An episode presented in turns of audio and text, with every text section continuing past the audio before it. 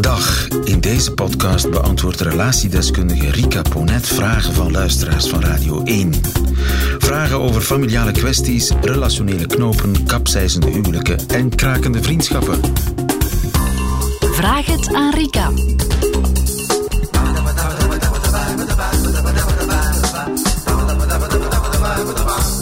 Lien schrijft. Ik sta bijna twintig jaar in het onderwijs en heb sinds een jaar of drie, vier een jonge collega van 29 waarmee ik nauw moet samenwerken. Toen ze bij ons aankwam, heb ik haar wat wegwijs gemaakt bij ons op school. Al snel werd duidelijk dat zij het niet makkelijk had in het leven.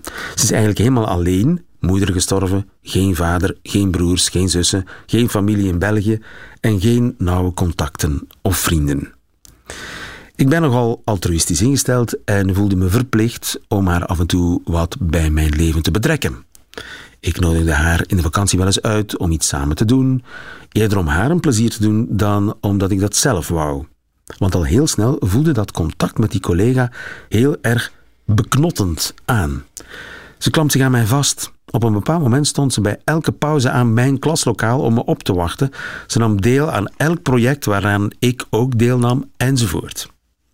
Uiteindelijk werd de situatie onhoudbaar en heb ik haar dat durven zeggen. Ik heb mijn engagement toen sterk teruggeschroefd en probeer het contact nu zoveel mogelijk professioneel te houden. Maar toen ik deze collega nog niet zo goed kende, heeft ze ook kennis gemaakt met mijn moeder. En intussen is dat contact zodanig geëvolueerd dat die collega mijn moeder wekelijks hoort en ziet en dat ze in moeilijke tijden nog meer contact heeft met mijn moeder. Ze verbleef zelfs eens een week bij mijn moeder in huis naar aanleiding van een persoonlijk crisismoment. En ik mij daar heel ongemakkelijk bij voel. Ik vind namelijk dat absoluut niet oké. Ik kan nooit meer iets vertellen aan mijn mama over mijn werk, want ze weet alles al. Mijn moeder en ik hebben al meerdere malen woorden gehad door deze situatie en ik mis het om met mijn moeder normale gesprekken over mijn werk te kunnen voeren, zonder dat zij altijd al alles weet en over alles en iedereen al een mening heeft. Welke raad zou ik kunnen krijgen om hiermee om te gaan? Rika. Moeder-dochterrelaties. Moeder-dochterrelaties. De en meest inderdaad, complexe die er is. Is dat zo? Ja, daar ben ik zeker van. Ja. Het is een hele moeilijke, een hele mooie, een hele wezenlijke. Hè, want ja, vrouwen geven het leven aan elkaar door en geven ook leven, dat is zo. Maar het is, is dat is nog anders dan moeder en zoon? Ja, dat, moeder en dochter. is een andere verhouding, zeker. Ja, en een dochter spiegelt zich, ja, een zoon spiegelt zich niet in zijn identiteitsvorming aan de moeder. Hè. Dat doet een dochter wel. Hè. En een moeder is meestal strenger voor een dochter dan voor een zoon. Hè. Dat is ook zo. Is dat typische. Ja. ja, daar zit toch heel veel op hoor. En dat is ook wat hier een beetje tot uiting komt. Hè. Want laat ons eerlijk zijn, ik geloof echt niet dat dat gaat over uh, de collega die dan uh, bij de mama gaan praten is over een andere collega en dat zij dan dat verhaal niet meer kan doen enzovoort en zo verder. Dat gaat echt over... Um, Jaloezie?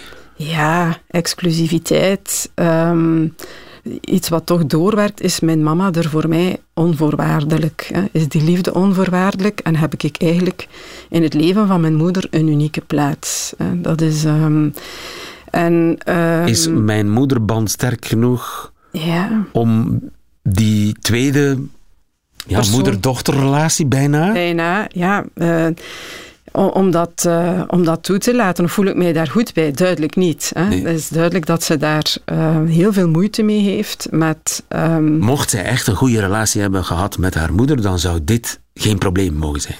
Dat is dan, wat je zegt. Dan zou dit geen probleem... Nu, een moeder-dochterrelatie, dat gaat natuurlijk in twee richtingen. Hè. En ik ga ervan uit dat die relatie goed was. Hè. Dat, uh, dat hoeft het probleem niet geweest te zijn.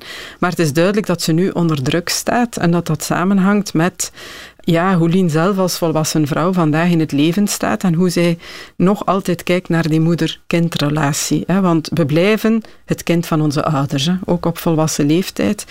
En het gevoel dat ik bij dit verhaal zo wat krijg is zij heeft een stukje het gevoel van, ehm, mijn mama laat mij in de steek. Hè. Ze is er niet echt voor mij, want uh, ze plaatst zich eigenlijk in competitie met die collega. Hè. Uh, zij heeft haar verhaal gedaan, ik doe mijn verhaal. Um, en mijn mama luistert eigenlijk niet echt meer naar mij. Hè, want ze heeft al een idee over wat er bij ons op school allemaal gebeurt aan de hand van de verhalen van die collega. En ze zet bij gevolg dan mijn verhalen in twijfel. Dus mijn mama ziet mij niet onvoorwaardelijk graag. En vandaar komt die jaloezie. Uh, ik vind het voor haar eigenlijk een hele mooie uitdaging om um, in deze situatie, want die collega, oké, die collega is die collega. Uh, veel essentiëler lijkt mij, je krijgt hier eigenlijk een unieke kans om een gedifferentieerder beeld te krijgen of te ontwikkelen als volwassen vrouw van uh, je verhouding met je moeder. Je moeder hoeft niet de hele tijd met jou samen te vallen. Dat hoeft niet iemand te zijn die uh, wat je ook doet of wat je ook zegt of wat je ook vertelt, daar altijd ja en amen moet op zeggen. Die hoeft niet met jou samen te vallen. Hè. Dat, is een, ja, dat is een eis naar exclusiviteit of symbiose die bijna zelfs een stukje ongezond is. Hè. Durf te erkennen dat zij een volwassen vrouw is met een eigen mening en dat die mening ook een andere mening kan zijn dan die van jou. En dat jouw mening evengoed nog altijd gerechtvaardigd is. Hè? Dat is wat daar... Ja, dat die moeder eh, die collega heel leuk vindt, ja, dat, dat, dat, dat mag, Dat kan. Het is niet omdat jij die niet leuk vindt, hè, dat, uh, of dat zij daar geen vriendschap mag ja. mee hebben. Ja.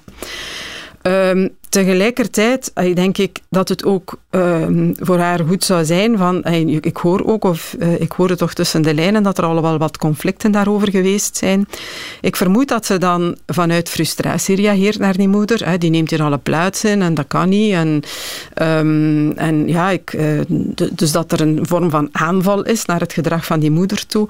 Mij lijkt het een, een veel betere basishouding om aan je mama of aan je moeder te vragen wat je nodig hebt. Dat is iets helemaal anders. In plaats van aan te vallen op het gedrag of op de keuzes die je moeder maakt, te durven aangeven, ja, ik geef toe, uh, dat doet iets met mij. Het feit dat je met haar zo'n intieme band hebt, um, dat geeft mij een beetje het gevoel van in de steek gelaten te worden. Um, en uh, ik mis je eigenlijk wel in ons contact. Hè. Of ik mis iets in ons contact dat er voorheen was. Um, durven vragen wat je nodig hebt, uh, dat is een uitnodiging. Hè. De andere aanvallen op de keuzes die de andere maakt, dat maakt dat de andere zich gaat verdedigen of uh, de hakken in het zand zet en dat er dan uh, helemaal geen reactie komt die jou het gevoel heeft dat je liefdeswaardig bent. Ja. Nu, dus, daar, daarnaast ook nog, hè, lieve, wat ik ook heel interessant vond, hoe zij met die collega omgegaan is in aanvang. In ja. Aan, ja.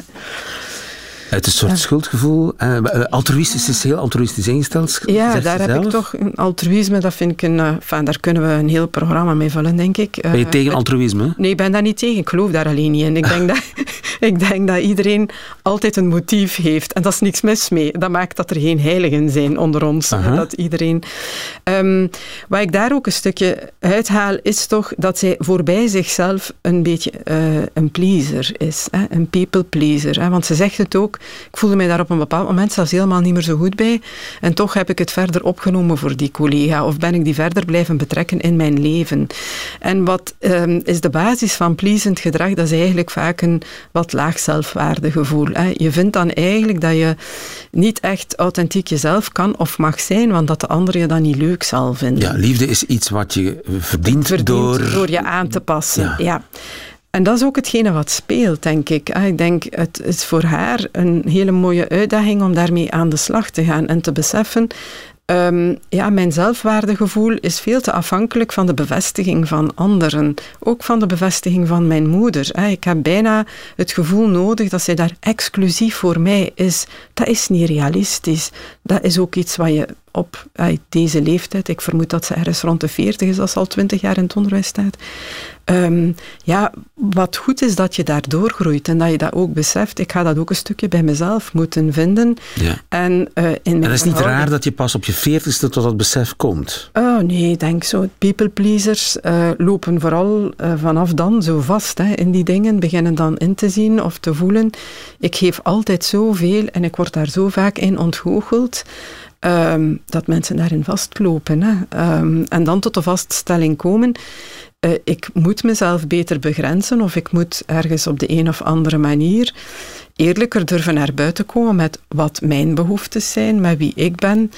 Uh, ik had gisteren zo nog een gesprek trouwens. Um, vriendschappen afsluiten uh, die alleen parasitair zijn, dat soort verhalen. Hè. Dus, en dat zie je heel vaak dat dat maar gebeurt rond het veertigste levensjaar. Dat je plotseling ja. beseft, ik zit in een... Ik zit daar eens vast in en het ligt ook een deel bij mij. Hè. Dus, um, dus haar verlangens naar haar moeder toe zijn nogal...